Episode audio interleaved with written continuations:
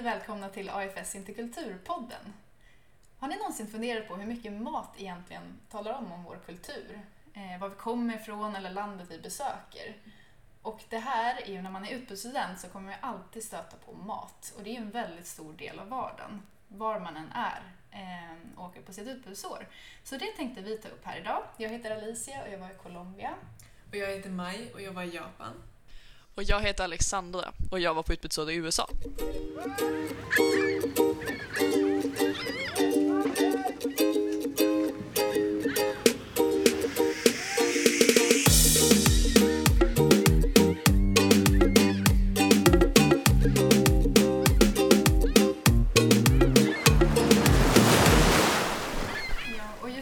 Alexandra, du var ju i USA och det finns ju ganska många stereotyper om maten där. Ja. Eh, men hur var det egentligen? ja, det är väl kanske av våra länder det landet som är mest ja, men omringat av stereotyper just när det kommer till mat skulle jag ändå vilja påstå. Eh, många har väl bilden av att man äter middag framför TVn eh, och inte har några familjemiddagar och precis som vilket land som helst så är ju USA ofantligt, alltså det är sån otrolig skillnad mellan olika familjer. Eh, och eh, det är väldigt så här. Jag, hos min familj så satt inte vi framför TVn. Vi åt mat vid ett matbord. Föga förvånande. Eh, så här ordentliga familjemiddagar varje kväll klockan sju i princip. Eh, det var så här internt skämt hos oss. Eh, så bad man bordsbön och sen så, eh, så åt man helt enkelt. Eh, så det var, det var väldigt likt Sverige i mångt och mycket. Var det en lång bordsbön ni sa? Nej, alltså typ några meningar. Så att för mig då som inte kommer från en religiös familj så var inte det så jättestor eh, för, alltså skillnad egentligen. Det blev en del av Nej, vardagen. Precis, men eh, familjer och kompisar som du hade, gjorde de också bordsbönor? Det var väldigt varierande. Eh, Jag hade en utbytesstudent som kom och skulle äta hos oss som jag glömde förbereda på att vi gjorde det här. Och det var ju kanske inte mitt smartaste tillfälle. Hon blev lite chockad när mina värdföräldrar drog iväg men nej, utan det var mer bara en sån här grej man gjorde för att. Och sen så högg man in på maten liksom. Mm. Ja. Okej, men vad brukar ni äta då?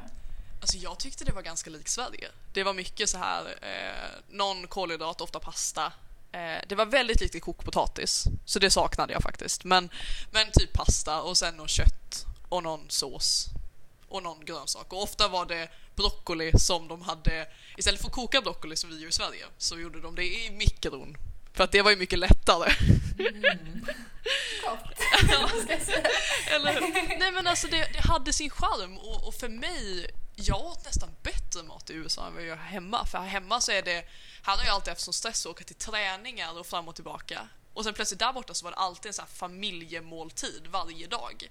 Och hemlagad mat som min värdmamma hade lagat, alltså det var så här, det var fantastisk mat. Så jag njöt verkligen. Men har du tagit hem någon rätt då? Har du lagat någonting som de bjöd på där, Ja, här hemma i Sverige? Jag har faktiskt inte lagat den, men det jag saknar eh, det är det som kallas för chicken noodle soup. Eh, alltså en soppa med pasta i och kycklingbitar och sen massa typ morötter och selleri och grejer. Och det låter jätteskumt, men det var ju då tradition att man lagade när någon var sjuk. Och det smakar så, så här varmt. Det är som på film när de kommer med de här kycklingsopporna liksom för att någon ska må bättre. Så det är verkligen så här, det är så, för mig det är så här varm och hemtrevlig känsla liksom när jag tänker på den maten. Så att nu när Ja, du man säger det. kopplar Ju, ja, men precis. Ja. Och man kopplar ju smaker till minnen också. Ja, Mm. Och lukter. gud, det ja. tänker jag på ibland. När man får någon så här specifik lukt så tas Ja. man ju tillbaka. gud ja. Verkligen. Så har det varit många gånger. Jag har bakat ganska mycket som min värdfamilj bakade. Och varje gång så är det så här hemlängtan tillbaka till mitt utbytesår för att jag känner samma lukter liksom. Precis. Nej, men, Ja. ja, man ska ju ta, ta vara på de smakerna och Mhm. laga det hemma. Det är det fantastiska med mat. Ja, verkligen. Mm. Men hur var maten i skolan? Den var intressant, eh, vill jag påstå. Eh, jag åt skollunch hela tre gånger. Eh, den kostade 3 dollar, vilket är motsvarande kanske typ 25 kronor. Eh, Och min skola var inte katastrofal. Alltså skolmaten var inte så illa som man stereotypiskt tänker sig, att det bara ska vara friterad pizza liksom. Så illa var det inte. Men det var ändå mycket godare hemlagad mat. Så att min, eh, jag behövde faktiskt inte göra min egen lunch utan min värdmamma packade min lunch åt mig, eh, vilket var väldigt tacksamt. Så jag fick nästan alltid eh, alltså rester från, från dagen innan. Eh, så vi lagade alltid mer mat, så jag fick liksom så här ordentliga måltider även på lunchen. Vilket var Mm. tacksamt. Eh, och en himla massa snacks i min skollunch var nedpackade, som man åt i princip under hela dagen. Eh, Ja, men det är härligt. Men jag tänker så här, lunchen. Var det kall lunch eller fanns det möjlighet att värma en mikro? Ja, nej det fanns faktiskt mikrovågsugnar i skolan. Vi var väl kanske, ja men det gick 800 elever på min skola, så på varje lunchperiod kanske det var 150 elever eller något sånt där. Eh, och det fanns tre mikrovågsugnar. Det vill säga att det gällde att springa från lektionen innan för att liksom hinna, och sen var ju lunchen var ju 20 minuter lång. Så att det var verkligen så springa för att hinna värma maten. Eh, tack och lov dock så var det inte så många som tog med sig mat hemifrån. Så jag vet att jag var ganska unik i min upplevelse där att få liksom mat som man behövde värma för det var många som bara hade mackor eller något sånt här. Mm. Så. För det är min stereotyp om, om lunch i USA. Att ta med sig en, eh, en, en macka Ja, sånt där. ja, eller precis. skollunchen. Eh, Det är bara jag som inte gillar mackor. Så det var inte så många som åt i skolan, alltså skolans mat då eller? Alltså, inte av de som jag umgicks med. Sen är det ju olika från alltså, person till person. Eh, och jag tittade ändå ofta på så här, vad är det skolan Mm. serverar. För var det något gott, då, då tog man ju skolmaten. Mm. Liksom. Eh, så att vår skola var ändå varierad och de strävade efter att vara ganska varierade. Eh, vilket gjorde att det var kul. Men jag, jag vet ju många utbytesstudenter alltså utbytesstudenter som har gått på andra skolor där det har varit så här samma grejer varje vecka. Det har varit pizza, liksom, Mm. pizza, hamburgare typ. Så att, Ja, bara för att jag inte upplevde de här stereotypiska matgrejerna så betyder ju inte det att de inte finns. Mm. Men om man tar så Liksom. skillnaden på maten de serverade där och här i Sverige. För du Mm. har ju också skollunch och jag tycker det är ganska bra. Mm. Mm. Jag håller med dig. Eh, jag vet att jag sa där borta, jag bara, jag ska aldrig mer i hela mitt liv klaga på svensk Mm. skolmat. Eh, för att alltså det här, jag hade jättegod mat, men jag tyckte att det var jobbigt att släppa lunchlåda varje dag. Eh, och det är ju inte samma standard på maten i skolan. Eh, och de kommer på såna här plastbrickor, i här plasttallrikar som man ser. Det är, det är, mycket är som på film, alltså det är nästan skrattretande om jag ska vara ärlig. Men ehm, ja, det, jag skulle föredra svensk skolmat ändå faktiskt. Mm. Ja, men det förstår jag. Men Maj förresten, du Mm. hade ju också skollunch. Ja, det hade jag. Och det var lite som Alexandra, eh, att man fick ta med sig egen matlåda. Mhm. Eh, och sen hade de på min skola en liten kiosk som man kunde köpa ifall man inte hade med sig. Då sålde de mest bara sött Mhm. bröd eh, och lite juicer och så. Men eh, matlådan i Japan, jag tror nästan alla hade ungefär likadant. Att det var alltid en liten del av matlådan som var ris och sen så var det någonting Mhm. ganska, med ganska stark smak. Typ saltigt eller, eh, eller lite, lite starkt. Eh, och sen så var det någon grönsak till. Och de här grönsakerna brukar också vara inlagda ehm, i typ någon form av ättika, tror jag det var. Eh, så det var lite surt.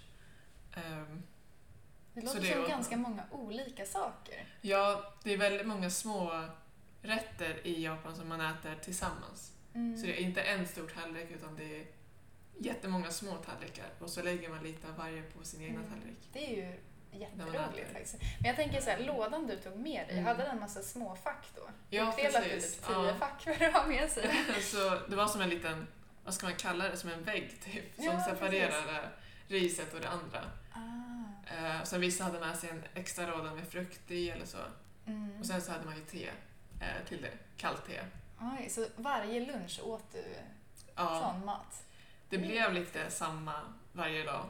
Eh, men eh, jag är tacksam för det var ju min mamma som, min värdmamma som fixade det åt mig. Eh, så ja, det var verkligen skönt att inte behöva göra det själv. Mm.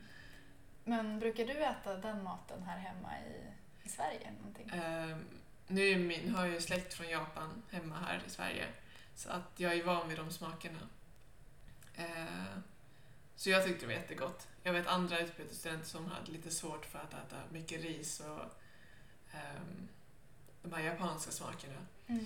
Och jag lärde mig i Japan att tydligen så använder de sig av eh, det japanska hiragana för att memorera vilka smaker som är de som de kallar för de japanska smakerna. Och då finns det en del i hiragana som är sashi suseso Mm. Och det är de här första bokstäverna som beskriver smakerna. Så sa, det är då eh, socker. Shi är salt. Eh, su är eh, ättika. Och se är soja. Och så är så eh, miso. Eh, Eh, s- Umami-smak? nej, utan som misosoppa. Den pastan Misosoppa. som man använder i. Jaha, är det en speciell smak? Mm. Eh, jag tror det är gjort av sojabönor faktiskt. Ja. Men det är de smakerna man använder och det är nästan all mat. Mm. Eh, oavsett, Mm. alla behöver inte vara i samma men antingen så använder man mycket salt eller så blandar man dem och så. Mm. Så det är verkligen basen liksom, för alla smaker i Japan. Ehm, och jag, vet, jag tror jag sa det kanske men det är mycket att man lägger in grönsaker i de här smakerna Mm. och äter det. Men kan man blanda allihop? Brukar du äta en måltid med alla fem smaker samtidigt? Jag Eller- tror faktiskt att eh, om man lägger ihop alla maträtt, små maträtter tillsammans så var det alla de här smakerna varje gång. Mm. Då blir det en komplett Mm, japansk precis. maträtt. Ja, det är riktigt Och så är det ris till som är ah, som ingen är det smak. neutrala. Ja, som man blandar det. Precis. Jag förstår. Men jag tänker, när du åt din skollunch till exempel, Mm. skil, eh, var det annorlunda från det du åt till middag sen? Ehm, ja, det var det. Det var ju kanske lite lättare lunch än Mm. till middagen. Eh, till middagen så var det kanske lite mer kött eller fisk. Mm.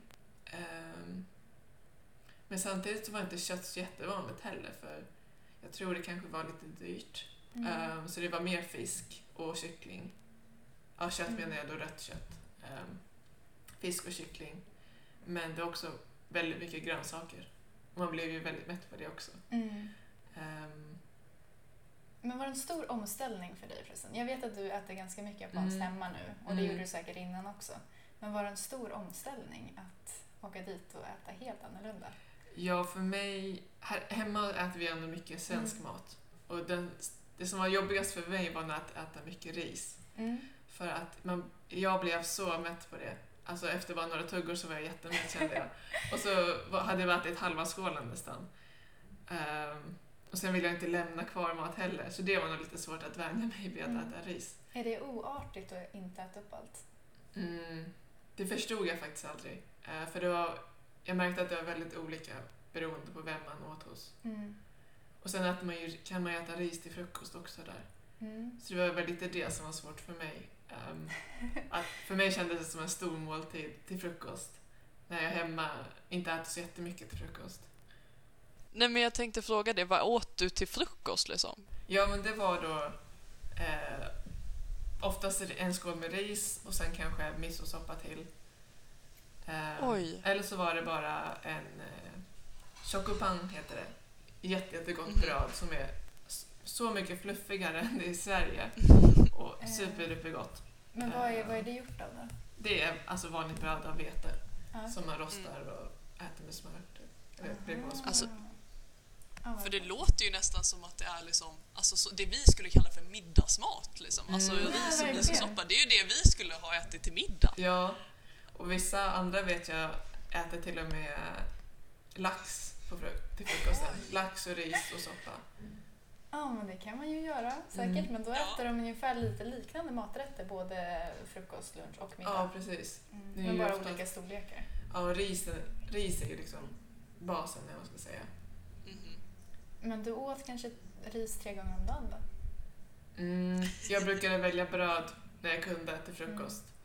Eh, så två gånger om dagen kanske. Men lagade du någon svensk mat där borta? då? Ja, jag lagade faktiskt köttbullar med potatismos. Vad tyckte de om det? De tyckte det var helt okej. Eh, jag tror det var nog inte så vanligt med potatismos. Eh, sen fanns ju inte lingonsylt, Mm. så det var lite synd. Eh, men eh, ja, de verkar gilla det. Mm. Mm. Eh, och i Japan så brukar man inte steka köttbullarna. Man brukar ju koka Mm. köttbullar istället. Ja. Och ha i soppor och sånt. Mm, jag förstår. Eh, så det var lite nytt för dem. Ja. Ja. Men vilken det- var, vilken var din favoritmat där borta då? Jag eh, blev... Jag älskade verkligen allt friterat i Japan. Eh, så här, friterad karage heter det, kyck, friterad kyckling. Eller tempura, friterade grönsaker och fisk. Um, det fanns så mycket friterat men det var verkligen supergott tyckte jag. Mm. Mm. Ja, men det, det är det ju såklart. Mm. Men i Colombia fanns det väl också mycket grönsaker i maten och så? Ja, jättemycket. Men först och främst vill jag bara säga att vi åt jättemycket ris också. Ris också? Ja, det är kanske något man inte riktigt kopplar Colombia lika mycket till, ris. Men jag åt också ris minst två gånger om dagen, ibland tre gånger också. Vi åt också det till frukost Mm. ibland. Eh, Wow. Men det är inte jättevanligt. Min frukost bestod ju snarare sagt av arepas. Vilket kanske inte alla vet vad det är. Vet ni Mm. vad det är? Vad är det? jo, men det är ett form av majsbröd. Fast det är mer det är vit, vitkornig majs. Mm.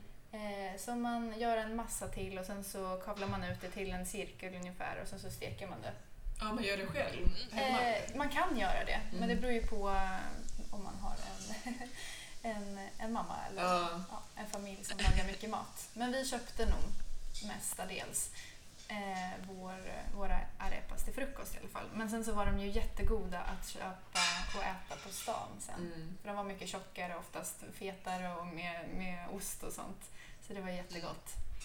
Eh, men ja, ris, jag blev ganska mätt på det. Mm. det. Det funkade de första tre månaderna tror jag.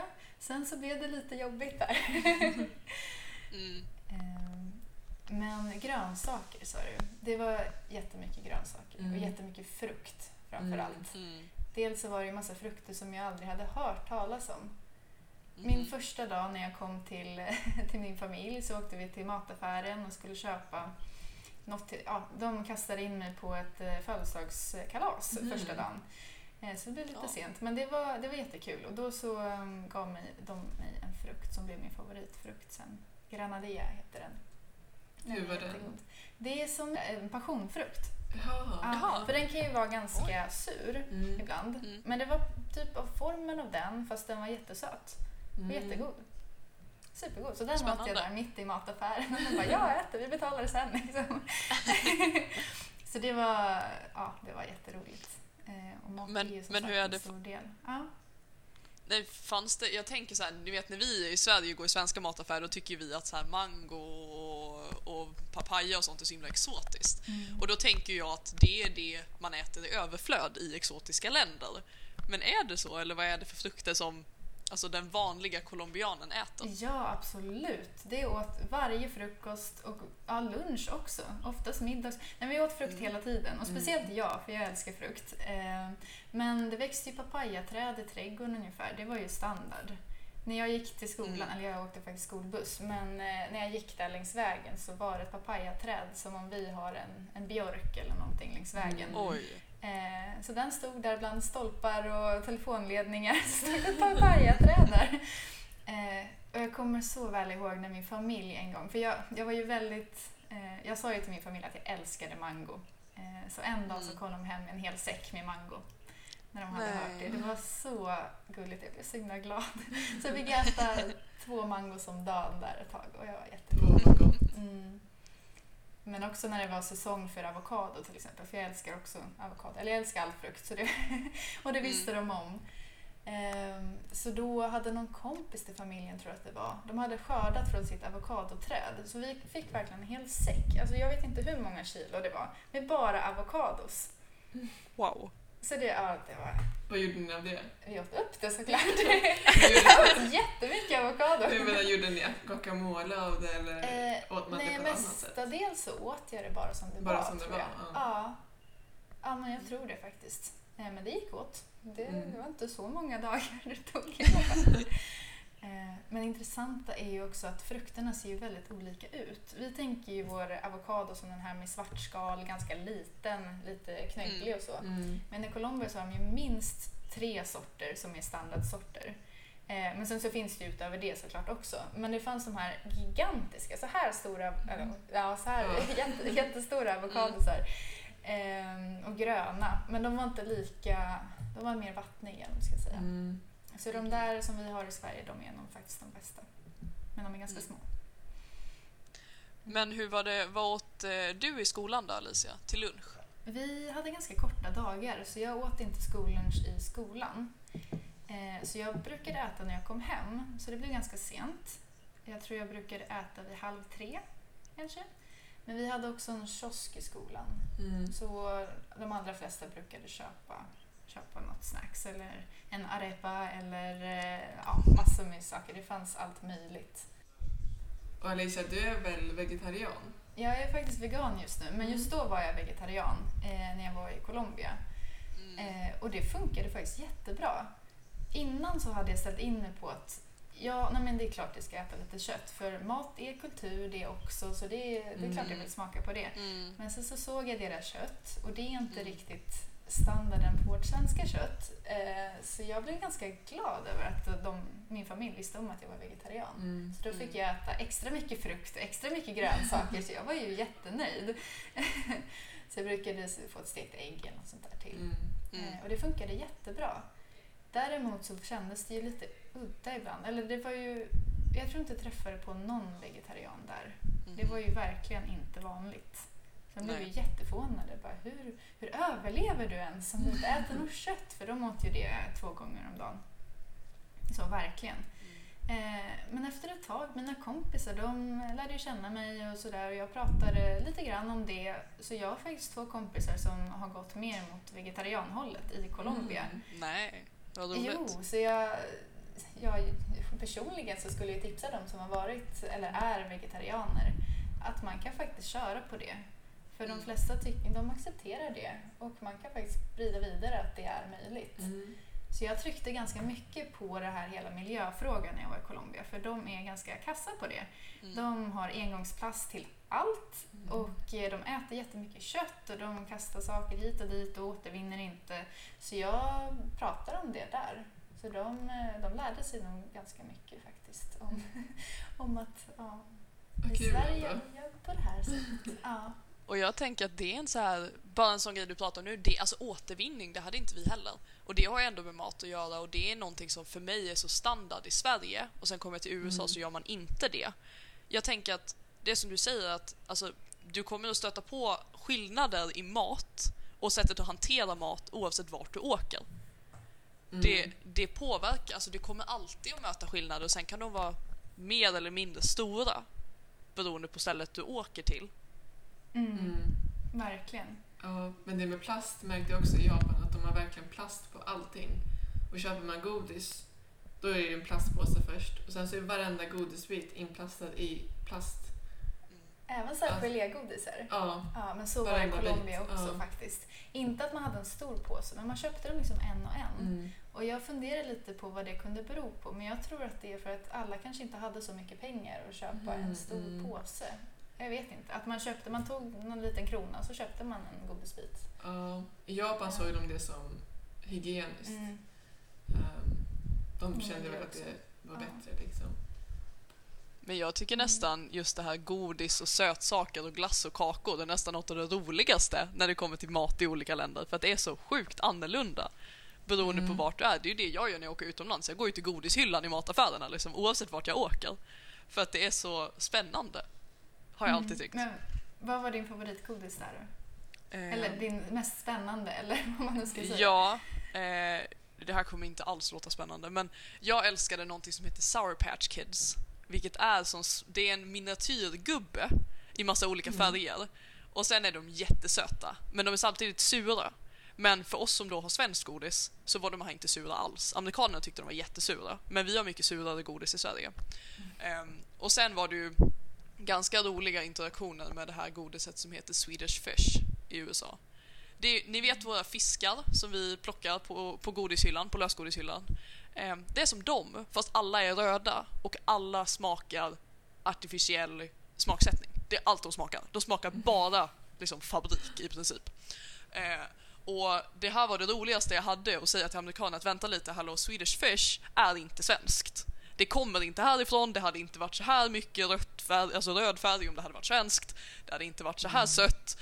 Ehm, och det slutade faktiskt med att det blev ehm, mitt quote i vår motsvarande skolkatalog då eftersom att jag fick vara äldsta årskursen. Så mitt quote då för mig så står det I don't even like Swedish fish. Alltså jag tycker inte ens om det godiset eh, när jag kom från Ja. Sverige. Så att det är verkligen, man delar ju också med sig och eh, bemöter lite sådana stereotyper kring ens egen mat också. Eh, som att det skulle ha varit svenskt då. Mm. Mm. Nej, jag tror inte det fanns så mycket stereotyper om svensk mat. De visste inte ens var Sverige låg. tyvärr. Nej. Hade du något sånt? Mm, jag funderar. Alltså, det var, jag kände samma sak, att det var inte många som visste om liksom, var Sverige låg och vad det var för land. Liksom. Um, men sen träffade jag på några som kände till Sverige och de tänkte ju på, de hade hört talas om surströmming. Jag trodde att vi alla åt det. Ehm, Mhm. Mhm. och mycket potatis Ja. tror jag de hade en bild av, att vi åt mycket potatis. Mm. Vilket vi ju faktiskt gör. Ja, Vi äter ju mycket det. potatis. Så att det, och det tyckte jag inte man märkte förrän man åkte därifrån. Då insåg man hur mycket potatis vi faktiskt äter i Sverige. Mm. Mm. Men sen så var det mycket så här tillagning av, av mat som skilde sig väldigt mycket. I alla fall för mig. Mm. Hur de kokade pasta där. Det tog ju dem 40 minuter för de kokar pasta som ris. Mhm. Så, ja, jag har ett så tydligt minne av... Vi satte på lite pasta, jag var ganska hungrig för det var sen middag. Och sen så efter ja, men kanske 20 minuter så går jag till min värdmamma och säger ursäkta men är inte maten klar snart? Pastan har ju kokat i 20 minuter. Hon bara nej, nej, nej, den är ju bara halvkokt. Och så går jag ut och bara nej men den här är ganska överkokt till och med. Hon bara nej, nej, nej. Så, så, ja, nej de kokar den ju, ja men jag tror så här 30-40 minuter eller någonting. Ja, nej det var väldigt udda tyckte jag. Mm. Men ganska spännande, alltså det funkar ju också. Men favoriten är ju ändå empanadas. Mm. Jag vet inte, vet ni vad det är heller? Jag har inte riktigt koll. Jag vet att jag har hört det. Grejen är att jag vet knappt vad det är själv, eller hur man ska, hur man ska förklara det. Men om man har koll på vad en pirog är så är det ungefär en eh, trekantigt knyte med mat. Mm. Det är nog lättaste förklaringen. vad, vad fyller man det med? Eh, Allt möjligt. Det finns så många sorter. Jag Mm. åt några med bara ost i och sen så doppar man dem i socker. Vilket eh, kändes Mm. lite skumt, Mm. men det var väldigt gott kan jag säga. eh, men sen så i min stad så hade vi några väldigt små som var väldigt Mm. typiska för min stad. Och då, det var typ sötpotatis, potatismosaktigt med kryddor och sånt i dem. Och de var jättegoda. Och de var vegetariska också. Mm. Så jag testade ju inte det. Ja, det fanns ju väldigt många med kött såklart Mm. också, men de åt ju inte jag. Eh, och det var ju jättegott. Det är de Mm. jag saknar. Jag ska lära mig att göra empanadas. Ja. Jag har faktiskt inte gjort det än. Hemma i Sverige, men det ska jag göra. Mm. Men det jag tycker är ro- roligt och intressant är att det verkar som att det både är så i Colombia och USA att, och Japan också, att man har specialiteter för varje stad nästan. Eh, som där jag bodde i Aichiken, Aichi-prefekturen. Där var det miso som var det speciella och extra gott där då. Och så i andra städer så var det något annat. Eh, och det har vi inte så jättemycket i Sverige. Nej. Så det var ganska det har du kul. helt rätt i. Men Alexandra, vad var din typiska grej för, för USA, för din, ditt departement? Ja, förutom ost då, eh, för min kära ostdelstat, eh, så var det glass. Wisconsin kallas inte för alltså mjölkstaten utan anledning, utan det var Mm. glass i mängder. Jag tror till och med jag har läst någonstans att det är den staten i USA som äter mest glass, men det kan vara helt fel. Men eh, vi eh, åt väldigt mycket på en snabbmatskedja som heter Culvers som bara finns eh, i, den är störst i området runt sjöarna där Wisconsin då ligger. Och eh, min favorit, precis som du sa Alicia, precis när jag hade kommit, alltså en vecka in, eh, så, så sitter vi framför TVn, alla, jag och min värdfamilj, vi har pyjamas på oss, vi sitter och tittar där på någonting, när min värdmamma plötsligt frågar om det är någon som har lust att köpa glass. Och jag bara, ja men absolut, tänkte jag och ställer mig för att gå upp och byta om. Och de bara, vad ska du byta om för? Så nej, nej, nej, vi hoppar in i bilen, åker till Culvers fem minuter bort, i en drive-through, i våra pyjamasbyxor, hela familjen och köper glass och tar med oss hem. Och den här glassen kan nog varit bland det godaste jag ätit för det var typ en blandning mellan glass och mjukglass och eh, alltså det är nog det mest amerikanska jag har hört. Att köra en drive-through i pyjamasbyxor och äta glass och jag älskade det. Und så himla mycket. Men det låter så härligt. Men det visar ju faktiskt på hur stor, hur, hur stor del maten är av kulturen. Mm, Hur man kan uppleva kulturen genom maten. Mm. mm, verkligen.